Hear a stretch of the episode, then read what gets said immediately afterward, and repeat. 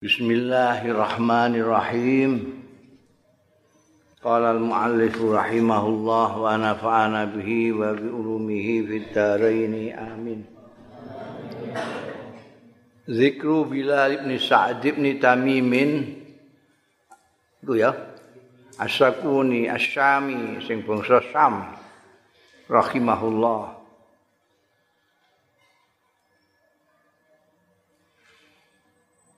Yarwi ning hadis iku yarwi ngriwayatno sapa Bilal bin Sa'ad an abihi sanging ramane Sa'ad bin Tamim. Wa kana lan ana iku li abihi anggone ramane Bilal apa sohbatun persahabatan? Artine termasuk sahabat Rahmani. Jadi beliau sebagai tabiin rawi yang sumbernya dari ayahnya sendiri. Karena ayahnya sahabat Kanjeng Rasul sallallahu alaihi wasallam. Wa kana lan ana sapa Bilal ana iku abidan, ahli ibadah, zahidan, dan orang yang zuhud zuhud itu tidak kumantil dunia ya. dia hidup di dunia tapi tidak kumantil. Ya ana wong sing ora di dunia tapi kumantil dunia terus. Ora duwe duit pikirane ning duit terus Ada orang yang kaya tapi tidak memperhatikan duit sama sekali. Abid itu ahli ibadah, zahid itu zuhud. Sing ekstrim maknanya zuhud itu gedeng agama. Ngantek muni nek adunya jifatun. Ah. Wa man talabaha fa huwa kilabun. dunia itu bagikan batang bangkai. Siapa yang mencari dunia sama saja dengan anjing. Nemen itu ekstrim. Nah, Allah yarham istriku ya sederhana sekali itu. Kalau mendefinisikan zuhud orang kumantil bondo orang kumantil dunia Yakusu fi wilayah Hisham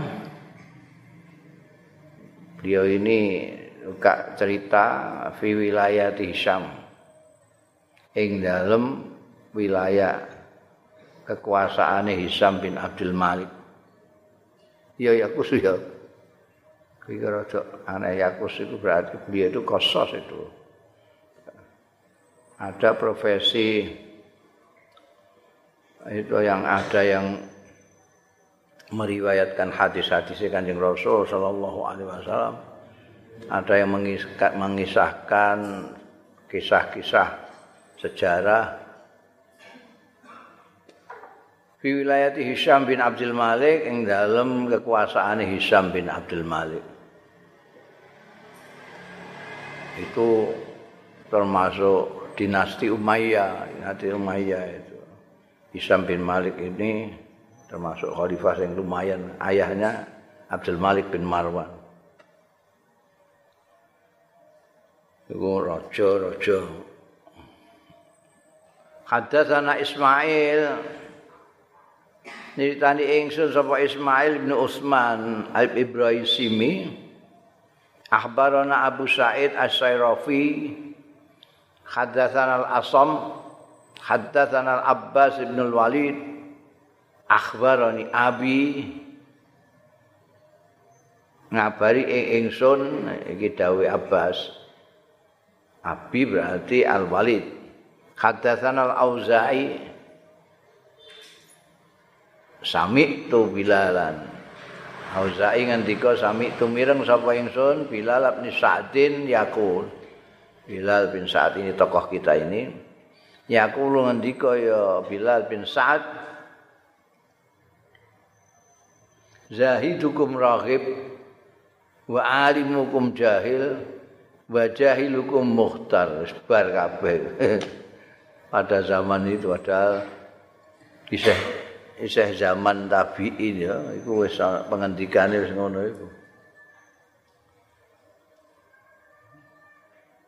Zahidukum kaya wong zuhud. Zahidukum wong zuhudmu iku rakib seneng donya. Eh piye?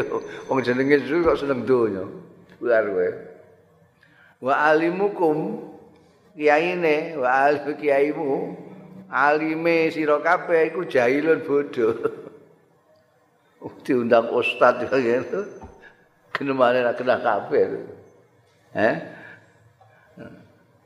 Iku saiki ngono iku ya ya bisa di dimaklumi ya zaman tabiin aja sudah ada pengendikan gitu sing ngaku zahid itu seneng bondo sing alim itu bodho ora tau ngaji isuk menang populer ngono tok ae Lah sing bodhone terus piye? Wa jahilu muqtar. Utawi bodhone wong wong bodho ira kabeh iku muqtar. Iku ketipu tapi rumangsa bener. Jadi follower-follower. Wong alim sing jahil mau. wong jahil sing mukhtar lara kabeh. Iku jaman biyen wis enek ngono?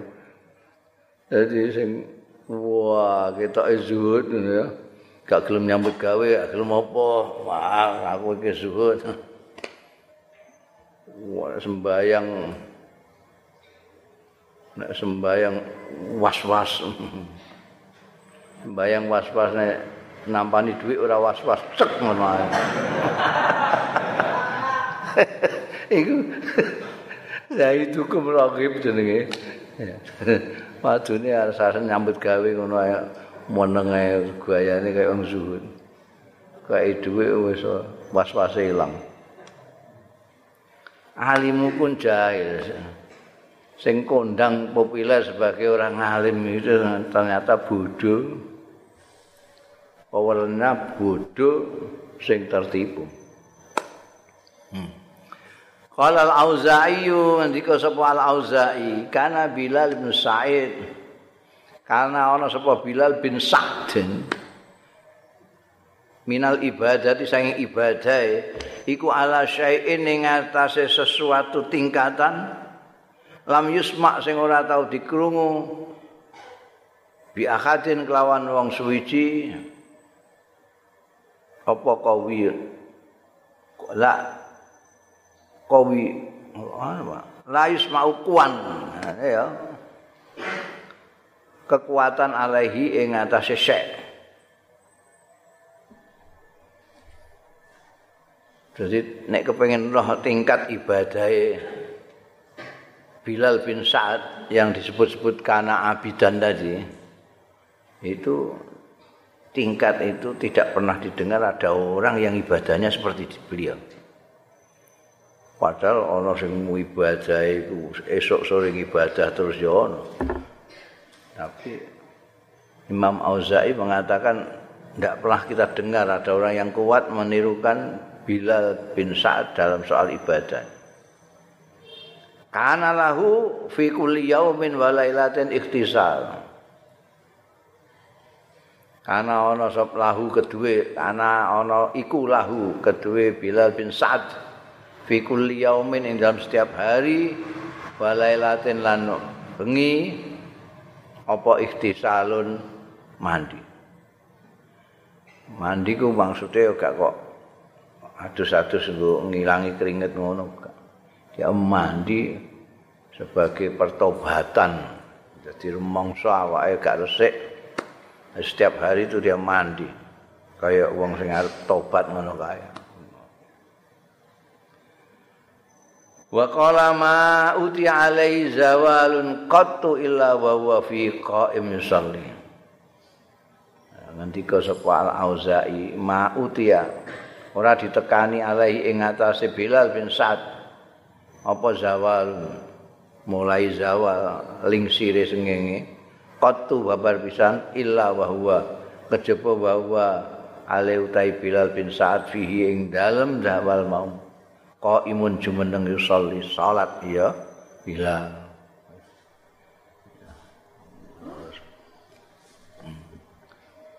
Itu beduk salat. Ini gak salat hanya setelah setelah basubuh aja gak salat. Nanti begitu naik matahari salat zawat salat kayak hobi ngono salat Qala akhba akhbaron al-Abbas. Qala iki terus apa? Usah terusane apa jenenge? Al-Auza'i ya. Wa akhbarona lan ngabari ingsun sapa Al-Abbas. Al-Abbas ngendika akhbaroni Abi. Abi ngendika hadatsana Sa'id bin Abdul Aziz. Sa'id bin Abdul Aziz qal ngendika qala Bilal bin Sa'ad. Ngendika sapa Bilal bin Sa'ad Az-zikru zikrani. Zikir itu ada loro, ada orang zikiran. Zikir itu ada dua, bukan hanya satu. Yang pertama zikrullah bil lisan. Yang pertama adalah zikir neguni Gusti Allah bil lisani kelawan lisan. Iki hasanun jamil. Zikir nganggo lisan itu bagus, jamilun indah. Allah Allah Allah la ilaha illallah. Ilaha illallah. wa zikrullahi an zikir Allah indama ahalla wa harrama nalikane ngalalno wa harrama lan ngaramno ngalalno sing halal ngaramno sing halal iku afdalu luwih jadi zikir bil lisan itu bagus tapi luwih utama lagi luwih abdul lagi zikir itu berupa menghalalkan yang halal, mengharamkan yang haram. Artinya kalau halal oke, okay. kalau haram dihindari. Halal ya, kalau haram tidak. Itu menurut Bilal bin Sa'ad juga termasuk zikir bahkan zikir yang lebih afdol. Haddatsan al-Abbas. Ditani ing kita sapa al-Abbas al-Abbas. Akhbarana Muhammad bin Su'aib Al-Abbas ngendika Akhbarana ngabari ingsun sapa Muhammad bin Su'aib Muhammad bin Su'aib ngendika akhbarani ngabari ingsun sapa Utsman bin Muslim. Annahu satuhune Utsman bin Muslim ku sami'a mireng ya Utsman bin Muslim. Mireng Bilal bin Sa'din. Ing Bilal bin Sa'ad yaqulu ingkang ngendika ya Bilal bin Sa'ad Rubba masrurin mahbunun wa rubba mahmunin la yas'ur. Pirang-pirang wong sing gembira iku mahbunun tertipu eh guyang-guyu kali-kali. Ora untuk kegembiraan jane. Untuk molo malah guyang-guyu mahmud. Baru ba mahmunin lan akeh banget wong sing ketipu. Layas uru ora ngrasa ya mahmud. Sing ketipu ora mongso sing ngekek-ngekek ketipu. Fal wailu liman lahul wailu mongko utahe cilaka iku liman kanggo wong lahu kang kedue man alwailu ta neraka wel istilah ceko cilakane wong iku nek ngantek mlebu neraka wel naudzubillahi minah wala yasuru ora ora rumangsa ya man. Yakulu mangan ya man wayas bulan ngombe man wayat hakulan cekekean ya man. Guyang guyu padahal wakot hako alaihi mongko teman-teman. Pasti alaihi ing atase man fi qadaillah ing dalem qadae Gusti Allah. Apa ana ustune man iku min ahli nar. Naudzubillah ing dalik gak rasa mangan wah mangane doko ora karo ngombe nguyang guyu seneng eh padahal dia itu tercatat sebagai ahli nar masyaallah naudzubillah Faya wailun laka ruhan, ya wailun laka jasadan. Itu ngandani dirinya sendiri ternyata. Wahai ciloko tenan laka kedua siro ruhan sebagai pemilik ruh. Waya wailun laka jasadan. An ciloko laka kedua siro jasadan. Apa ini jasade? Ruhe ciloko, jasade ciloko. Nek ngono mau. Wal tapi wal tabki wal tabki ana tambahan wal tabki moko supaya nangis sira wal tabki lan nangis sira alaika nangisi alaika ing atas sira sapa albawaki wong-wong sing nangisi tulal abadi selama-lamanya. Tulal abadi sepanjang masa sepanjang abad. Nek ngantek kaya ngono iku mau alwail iku mau. Naudzubillah. Qala ngendika wa al abbas ngendika sapa al auza'i mau ahbaron al abbas nitani ingsun sapa al abbas ahbaron ad dhahak bin abdurrahman sami itu bilal bin sa'din Ngendika sapa Bilal bin Sa'ad yaqulu ingkang eh, sami itu mireng sapa ingsun Bilal bin Sa'din. Ing Bilal bin Sa'din tak pireng yaqulu yang ngendika ya Sa'ad. Ibadur Rahman iklamu. Eh kaula-kaulane Gusti Allah sing Maha Welas Asih.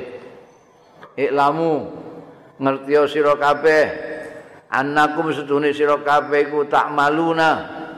padha ngamal sira kabeh fi ayyamin kisarin ing dalem dina-dina sing sedikit cekak sing cekak li ayyamin tiwal kanggo hari-hari yang panjang fi dari zawalin ing dalem perkampungan yang akan sirna. Lidari ikomatin marang perkampungan yang tetap wa fi dari takbin nan ing dalem perkampungan payah wa husnin wa husnin lan kesedihan untuk lidari naimin untuk perkampungan kenikmatan wa khuldin lan langgeng.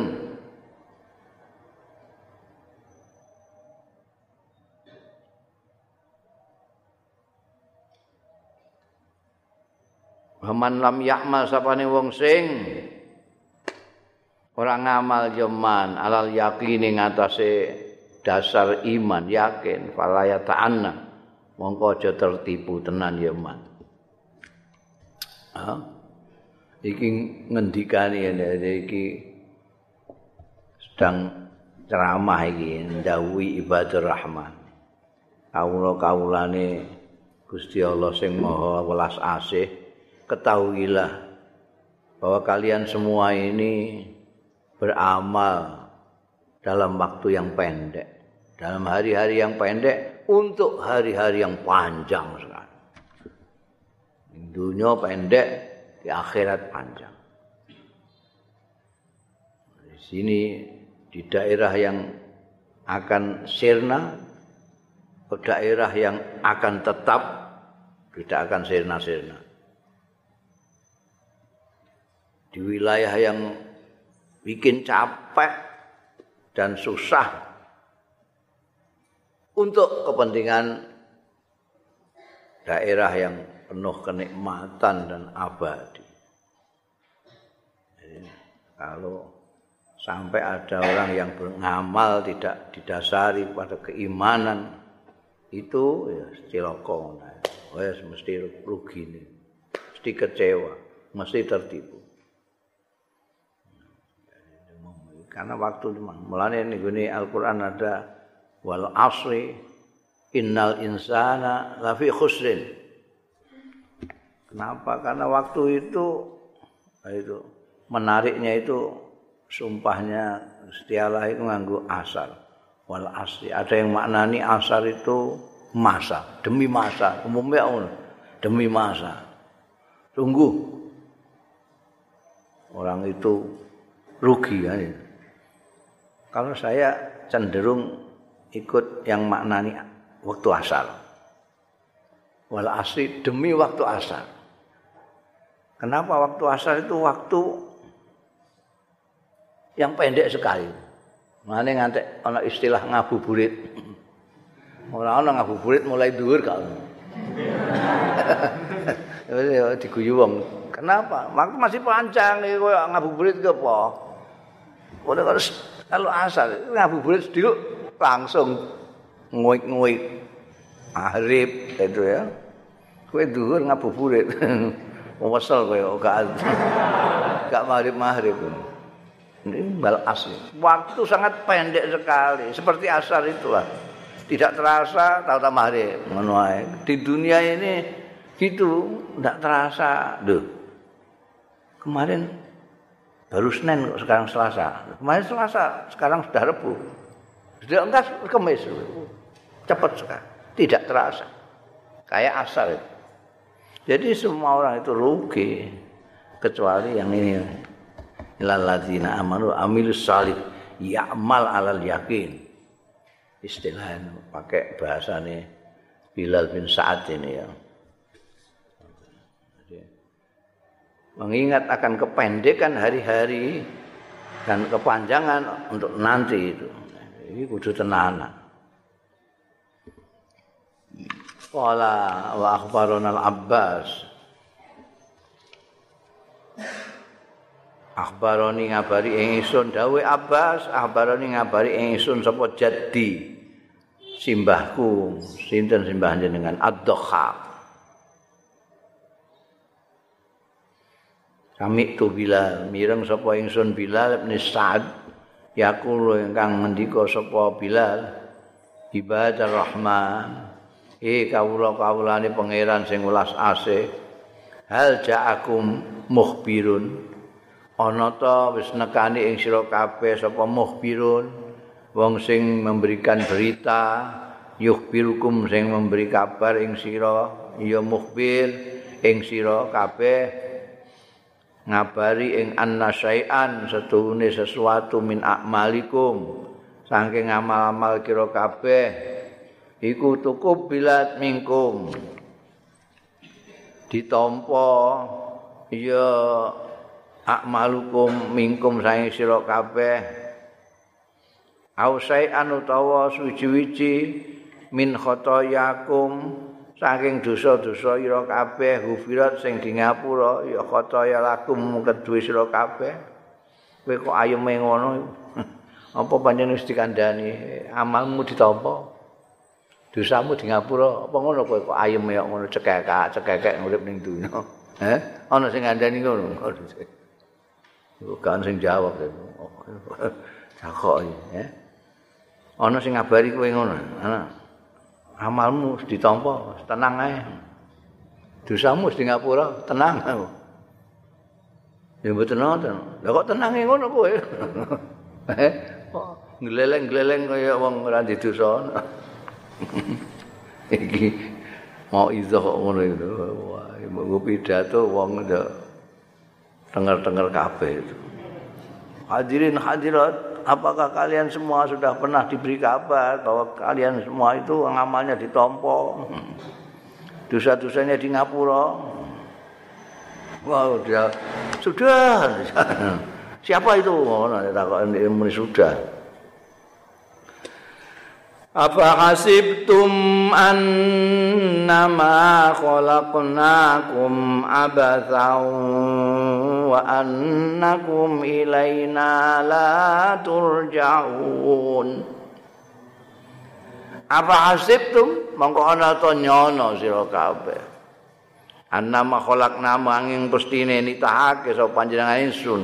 Kum ing sira kabeh abasan cara abas. Abas itu iseng. Kamu kira aku menciptakan kalian iseng? Eh, iseng iseng ngorek-ngorek anu iseng iki iki gak iseng-iseng Rumang sama Gusti Allah itu nyiptakan kamu semua itu ngiseng ya.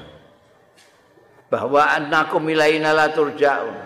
Bahwa sungguhnya kalian semua ilaina marang kita, marang ingsun iku la turja'un ora dibalik. Hmm? Kamu mengira ini oh, Gusti Allah mau iseng tok kok rasa diambil pikiran. Tenang aja. Oh kita nanti enggak akan kembali kepada Allah kok. Mati ya mati aja. Oh. Nanti akan kecelek kayak wong-wong kufar Mekah kan dia tidak rumongso kalau dia akan kembali kepada Allah ya.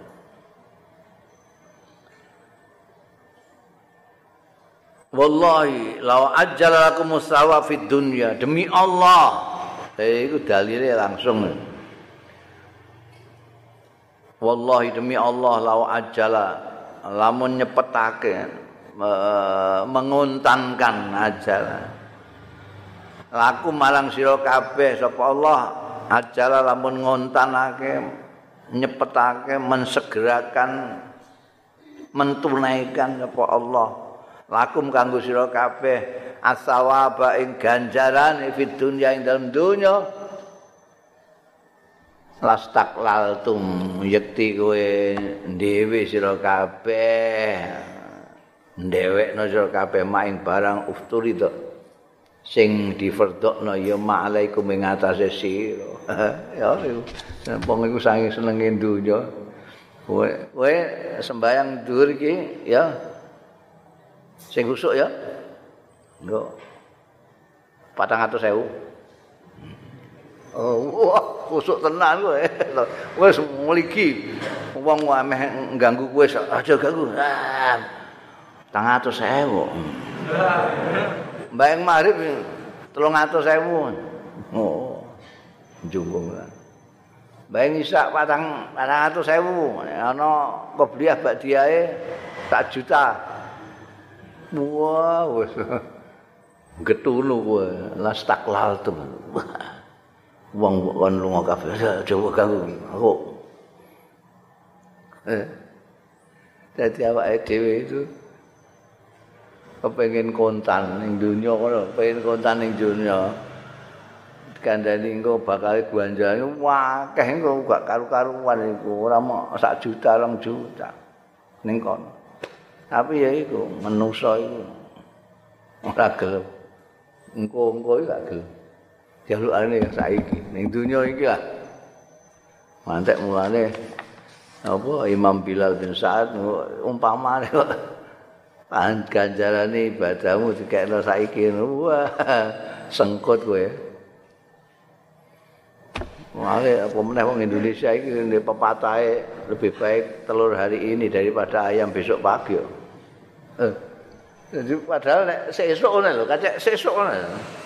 Iku ayam. Juga akhir di di lampu milih endop. Lebih baik telur hari ini daripada sesuk. Ya nek ayamnya kecekel nek ora ngono iku pikirane.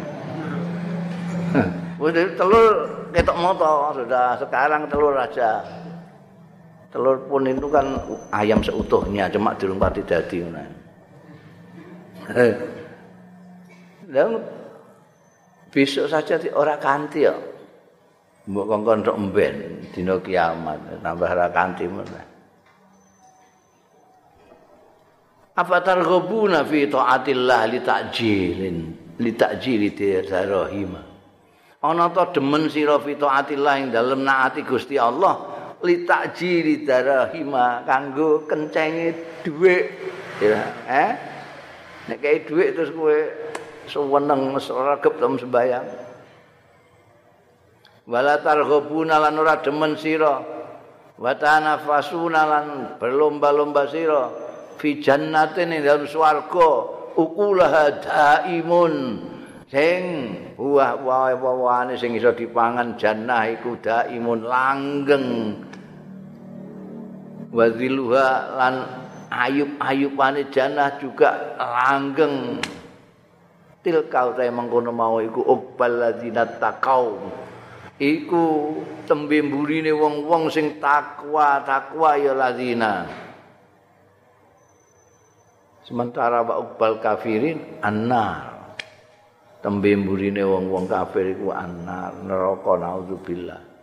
Eh kowe apa kepengin kaya wong kafir? Kepengin semuanya dikasih kontan berupa bondo nyah wis bae nyah ngono. Kok kowe kok ketoke kok gak berlomba-lomba dalam beramal ibadah? Nek ning gone dunya kok ngalah ya Allah gelem bayar jutaan pokok yang diangkat dadi ASN hmm? nek iki diwingi-wingi swarga sing ukulah daim wadhillu daim kok ora kepengin ora berlomba-lomba ora ana sing oyo-oyoan ora ana sing antri ngepi itu pancen kanggo wong sing takwa-takwa eh kudu introspeksi jangan-jangan ora pati takwa aku iki. Ngon. Pinginanku isih sing kenceng-kenceng ning dunya. Kok gak kemecel mbek swarga. Kala wasami itu bila orang ngendika sapa? Ad-dhahak ujate ya. Kala ngendika ad-dhahak wa sami'tu bilal.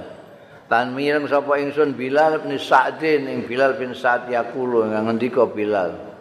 Ibadah rahman he kawulane kawula kawulane.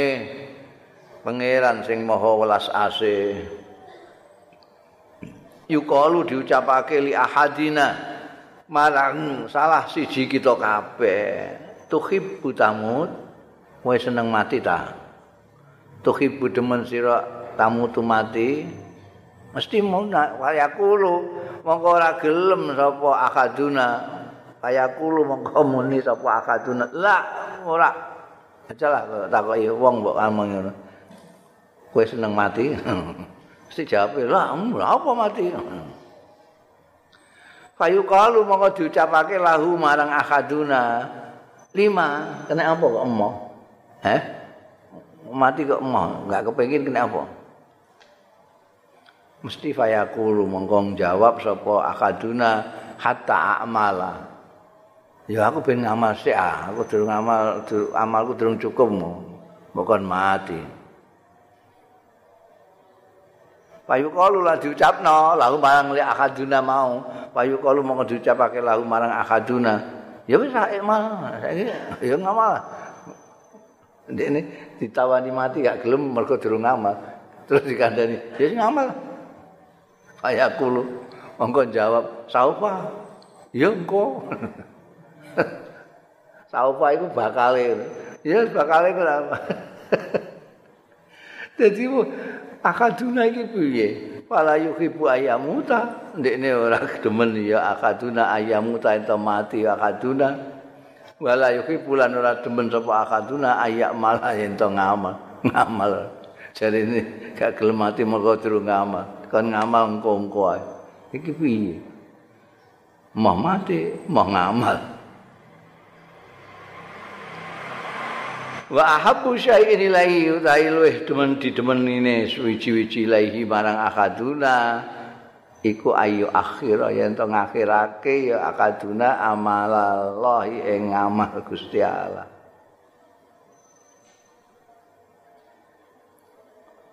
Wala yuhibulan ora demen sapa akaduna ayu akhir yen to ngakhir yu akhir anhu ento di akhirna anhu saking akaduna apa khir dunya? Bronto ning gone dunyane akaduna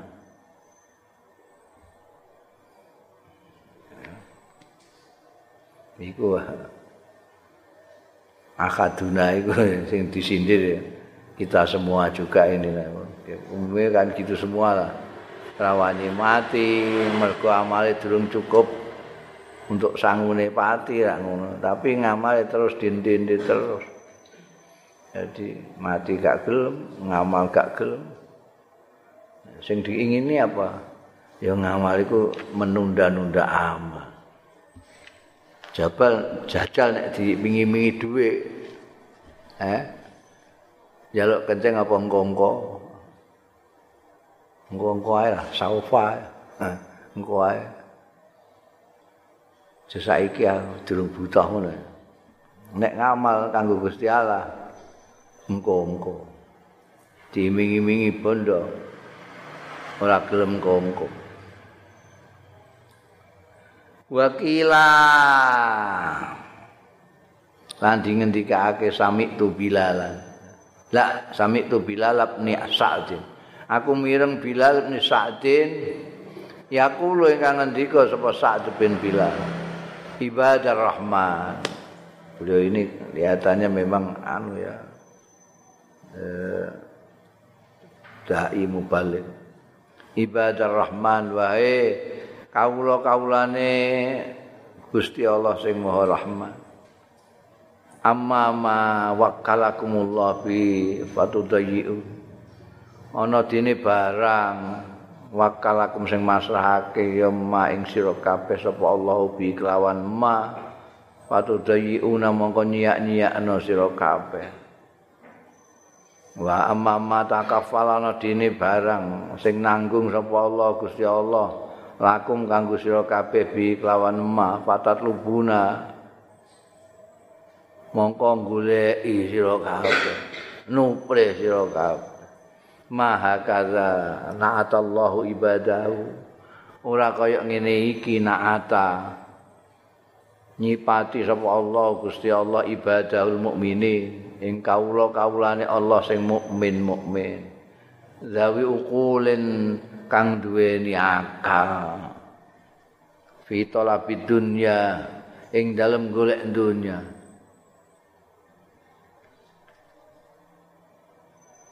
wa bullahu ha lan kembiar kembiare dunya amma khuliqtum. Saking barang kang dititahno sira kabeh lahu kanggo mah maka matal juna rahmatullah kaya dene mongko kaya dene ngarep-ngarep sira kabeh rahmatullahi ing welas asih Gusti Allah. Bima tu aduna kan barang sebab barang tu aduna kang nindakake nglaksanakno sira kabeh. Bayane matu aduna min taatihi nyatane naati Allah taala. Pakadzalika mongko semono uga kaya kowe mengharap rahmati Gusti Allah mau. Isbiku padha wedya sira kabeh min iqabillahi saking siksane Gusti Allah. Bima sebab barang tantahikuna min ma'asihi sing padha merusak kabeh min ma'asi nyatane duraka durakani Allah taala saking maksiat-maksiati Allah taala. Hmm. Iki ceramahane ya. Wong kowe iku lucu, kowe sing dituntut karo Gusti Allah supaya dipasrahi untuk melaksanakan. Kamu sia-siakan.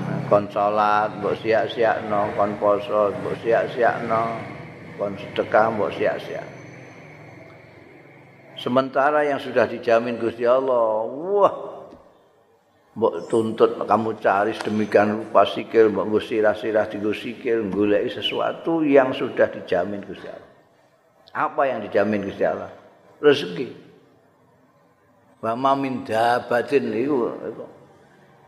Jadi rezeki itu wis dijamin karo Gusti Allah. Wong Gusti Allah itu nitahno awakmu mosok arep dijalno ae. mau dijalno nitahno terus jalno itu bukan ar-rahman ar-rahman mau welas asih nitahno tanggung jawab untuk memberikan rezeki untuk kehidupannya. Saking ora percayane melane nganggo al yakin nganggo al iman itu kan situ. Yakin apa ora kowe? Iman apa ora? Ambek jaminan Gusti Allah taala nek gak yakin ndak iman ndak percaya ya itu. Terus dicari sesuatu yang sudah dijamin dicari sesuatu yang diperintahkan disia-siakan bukan begitu Gusti Allah taala itu memberikan sifat-sifatnya kawulane sing beriman itu yang punya akal loh. Oh, dunia.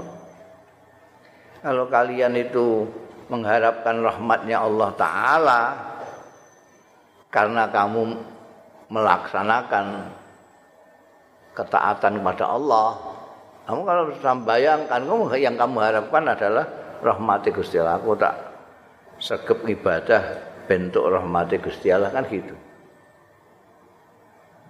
Sebaliknya kamu juga harus takut dengan siknya, siksanya Allah kalau kamu melanggar perintah-perintah Gusti Allah. Kamu melaksanakan, kamu mengharapkan rahmat. Kalau kamu melanggar, mestinya harus ingat siksaannya Allah Ta'ala. Kala sami itu bilalan. Kala terus orang nganggu anu rujuk ambekan dohak terus ya. Dohak bin Abdurrahman. Sebab yang cerdak kalau Bilal itu dohak. Sami itu Bilal bin Sa'din, mireng Bilal Sa'din yakulu andika ibadah rahman. Jadi akeh sing krungu karena beliau sedang bicara di depan publik. Buktine ibadah rahman. Wae kawula-kawulane pangeran sing duwe belas asih sing maha belas asih sing maha penyayang.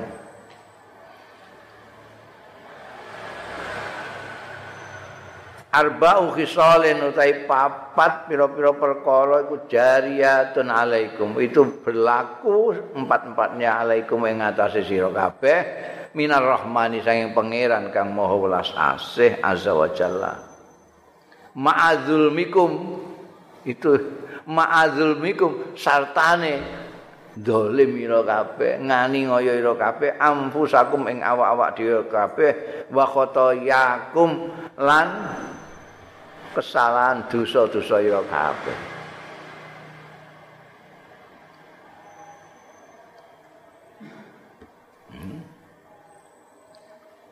ada empat hal. Iku terus milih ning gone awakmu kabeh saka pangeran sing mau welas asih. Meskipun kalian itu nganiaya awak kamu sendiri. Meskipun kalian berdosa iku ora nganiaya awake dhewe. Mestine nek agak nganiaya dia akan berbuat baik supaya nanti nasibnya baik. Ini enggak berbuat buruk sehingga menyiksa diri sendiri. Duh, ngono iku Gusti Allah tetep ngirim kepada kamu empat hal. Dariyat alaikum minar rahmani azza wa. Tidak peduli. Kamu itu zolimi awakmu dewi. Gusti Allah tetap memberikan. Atau amma rizkuhu fadarun alaikum. Mongkau tahi rezeki Gusti Allah iku daharun alaikum. Mengucur derak menderas alaikum ing atase sira kabeh. Satu. Wa amma rahmatuhu ana dene rahmate Gusti Allah taala, welas asih Gusti Allah taala, fa ghairu mahjubatin mongko iku ora tertutup angkum sanging sira kabeh. Rahmate Gusti Allah ndak tertutup, terbuka. Apalagi kalau kamu sering mohon kepada Allah Allahumma ftah alaina rahmataka. Hmm. itu sudah jelas rezeki itu mengucur ke kamu. Apapun itu gak ada wong terus ora mangan itu gak ada itu berlebih-lebihan kalau ada orang Indonesia mau gak mangan. Rezeki sak kok ning Indonesia iki tambah masyaallah Pemene mbok banding nembek wong Afrika, Indonesia. Rezeki tok isine. Ora usah ngetokno biaya, kowe mau segara. Upo, eh? Mbok jatet, jatet, ngerti jatet itu. Sing digo jatet dikene iku. Iku rada teko sithik terus kei upo. Jatete kei Itali, puncalno ning segara. Set. Wis dilek entuk iwak gatel kowe. Hmm, ya. Nek iwak gatel ya. Tau kowe apa nggawa usus pitik pentang cah loro ning gone segara. Dani silan. Engko rajungan dem-dempo iku udah pating gerandul. Ora sambayar kaya gawa. Nek gak entuk kono rada rono. Gak entuk rono neh. ngalor terus. Sese entuk kowe. Rezeki ya.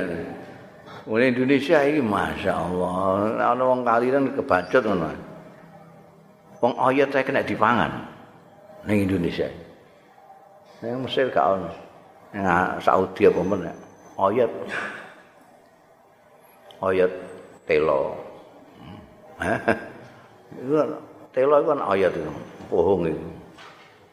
Ayate di siabut pating plentu oh isa mbok gawe gethuk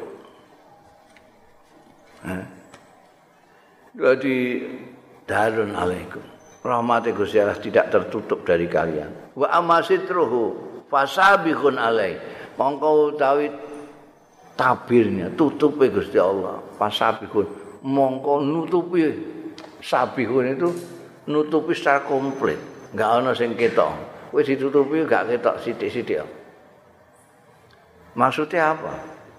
Nu uang itu nek gak ditutupi Gusti Allah, Masya Allah, kowe iso roh epe masing-masing wong iku, kowe iso gilan kowe gila. Ku tak jerani wong khusuk wong alim yo. Gawanane tasbih semono dawane. mari kaya diketokno. Nah, kowe iso gak karukan kehidupan. Itu Gusti Allah sing mau welas asih nutup. Orang-orang ditutupi epe. Mulane dosa yang paling gede itu nek wong iku membuka app-nya sendiri setelah ditutupi Gusti Allah terus kondo. Eh? Terus cerita-cerita dengan bangga. Wah, aku tinggi maksiat lumayan aku. ya ilah ilah, itu ditutupi Gusti Allah. Kok ada kok kanda-kanda. Satru sabihun alaikum. Soal rezeki sudah jelas rahmat tidak ditutup, namun ditutupi aib-aibnya. Wa amma iqabu ana dene siksane Gusti Allah falam yu'ajjal lakum. Ora dicepetno ora dikontankan lakum kanggo sira kabeh.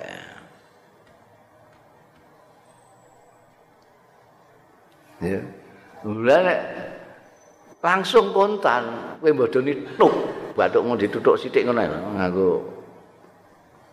nganggo ganden cilik ngono Wae ngapusi, tuk. Misoi kancamu, tuk. Oh, Nyelindut waduke, tuk. Wong merempul kabeh. Kenangan iki, merempule pirang-pirang iki dosane akeh. Iku salah itu apike.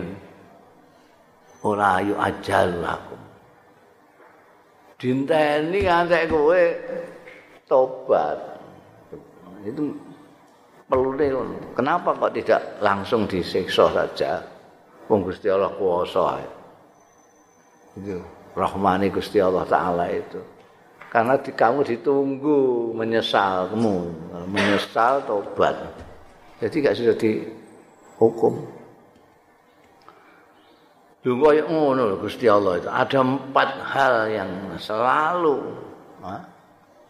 mengenai kalian. Tapi summa antum moko keri-keri utai sira kabeh. Ala zalika ing atase mengono mau iku tajtariun wani sira kabeh ala ilahikum marang pangeran sira kabeh. Antum utahe sira kabeh. Al yauma ing dalem dina iki. Takalamuna do geneman sira kabeh. Atau tukal limuna. Padha geneman sira kabeh. Wallahu ta Gusti Allah iku sakitun kendel. Gusti Allah kendel ae. Wah ngomong nerocos macam-macam untuk kelah untuk beralasan macam-macam wa yusikullah lan meh-meh sapa Allah ayatakallama yen to ngendika wa taskutuna meneng sira sekarang Allah taala diam kamu sendiri yang ngomong. Eh? Memberi alasan-alasan macam-macam kamu tidak berbuat begini alasannya gini. Tidak ibadah karena ini. Oh ya ngomong karepmu Gusti Allah diam saja sekarang. Tapi nanti pada saatnya Allah yang berbicara kamu nggak bisa ngomong. Ini loh videomu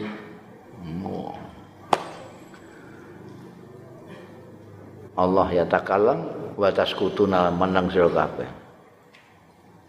Sumaya suru monggo bergolak min amalikum sing amal-amal ya kabeh apa dukhanun. Keluk taswaddu minhu sing menjadi hitam minhu saking dene dukhan mau apa alwujuh pira-pira rai. Masyaallah. Tahu-tahu terus wah sing disembunyikan kemarin-kemarin itu metu kayak dukhan. Kaya kalau menghintamkan wajah. Auzubillah min dzalik. Nanti itu ada wujuhun itu taswat. Ada yang tabiat. Tabiat itu mencorong, bersinar-sinar, ada yang tabiat kuateng kaya areng. واتقوا يوما ترجعون فيه إلى الله ثم توفى كل نفس ثم توفى كل نفس ما كسبت وهم لا يظلمون Wataku lan wedya sira kabeh. Yauman ing dina. Wedya ing dina. Turjauna kang dibalekno sira kabeh fihi ing dalem yauman ilallahi marang Gusti Allah. Eh nek kowe dibalekno ning gone wong ya isa-isa apa jenenge saya bisa dirembuk lah ya bagaimana diatur supaya selamat dan ke Bali ini negeri Gusti Allah Taala. Gusti Allah Taala itu nanti itu tidak tidak hanya tampil dalam asmanya Ar-Rahman Ar-Rahim, tapi tampil dalam asmanya Al-Adlu yang Maha Adil, Al-Muntakim yang membalas, wis ora iso kowe meneng tok wis tas kutun kae ndelok dijudono videone tok saiki direkam. Direkam kelakuane manusa. Engko karek dibuka secara balik nang secara kabeh. Kilo Sumatu wafa mongko dituhoni. Dipenuhi apa kulo nafsin masing-masing jiwa ma barang kasabat sing gawe ya kulo nafsin. Wa hum la yuzlamuna wa hum halil tawi. Mereka kulo nafsin itu la yuzlamuna ora ana sing dianiaya kabeh. Gusti Allah adil yang salah dihukum yang benar diberi ganjaran. Nanti di ketokno kabeh kulo nafsin maka sabat mayak mal mithqala dzarratin khairan yarah may ya'mal mithqala dzarratin syarran yara. Itu dibayar Gusti Allah terus semuanya dipenuhi semua. Eh, ki, ki, iki ganjarane taatmu biyen. Ini, ini, ini, ini. Jadi kue ngantek tahu sedekah mangpi barang itu ketok. Tidak ada yang dizolimi. Bunda Bunda Zikru Bishr bin Muhammad Al-Muqtadir rahimahullah. Yurwa dan riwayatake an Ibnu Umar saking Ibnu Umar. Ibnu Umar wa kana lan ana apa Ibnu Umar iku wali Umar.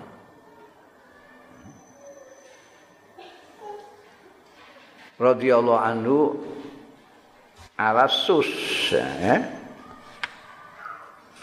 Terus saya piye kok berhenti ngono tok ya. Ya mau ngono tok keterangane Bishr bin Muhammad itu seorang wali artinya yang ditugasi menjadi wali wali kota barang istilah lain dari amir. Nah, jadi amir jadi diserai jadi wali kota apa diserai. Pada waktu pemerintahannya Sayyidina Umar bin Khattab jadi Bisri bin Muhammad ini pernah jadi pejabat yang ditugasi oleh sahabat Umar bin Khattab. Yang cerita siapa? Abdullah bin Umar putranya Sayyidina Umar sendiri radhiyallahu anhu disuruh menjadi wali pejabat di mana? Alasus. Ya, disuruh. Itu suatu daerah di Sam.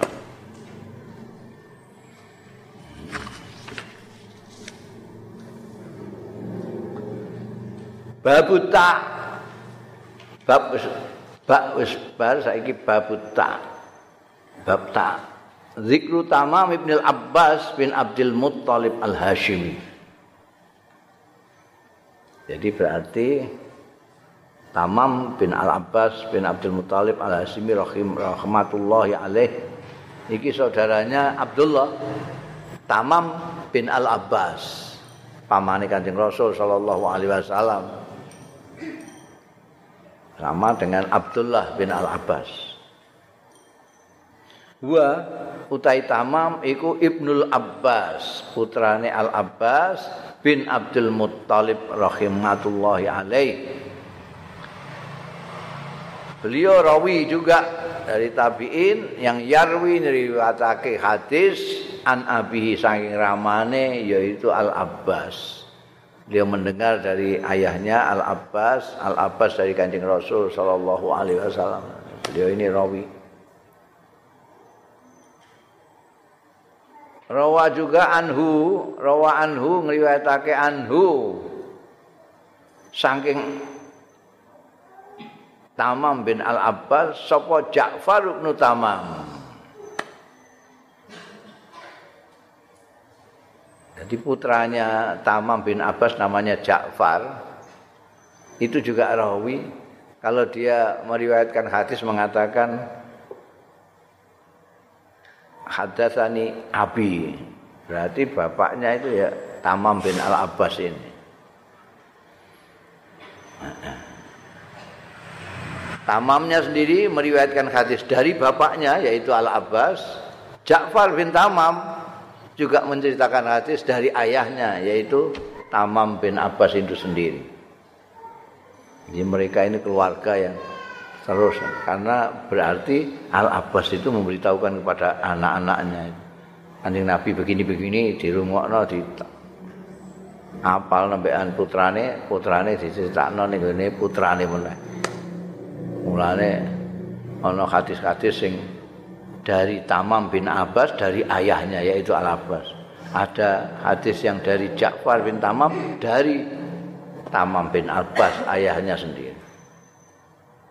Ini keluarga yang selalu menceritakan hal-hal yang baik termasuk hadis-hadis dari Rasulullah sallallahu alaihi wasallam. Zikru tabi'in al-khimyari rahmatullahi alaihi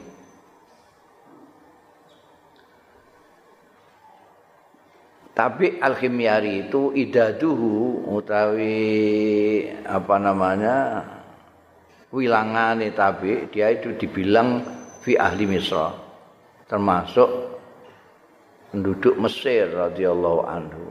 Jadi dia bukan Sam, bukan Basra, bukan Kufah, bukan Madinah, bukan Mekah, tapi ahli Misra. Dari termasuk keluarga Mesir. Zikru taubah al-ambari rahim rahmatullahi alaihi. Kalau ini taubah ini Basari. Dia orang Basrah. Yarwi meriwayatkan juga rawi yang thiqah meriwayatkan an Anas bin Malik. Kalau ada hadis riwayat bersumber dari Anas bin Malik itu ada yang rawinya adalah Taubah bin Al-Ambari ini. radhiyallahu anhu. Babusa wallahu alam.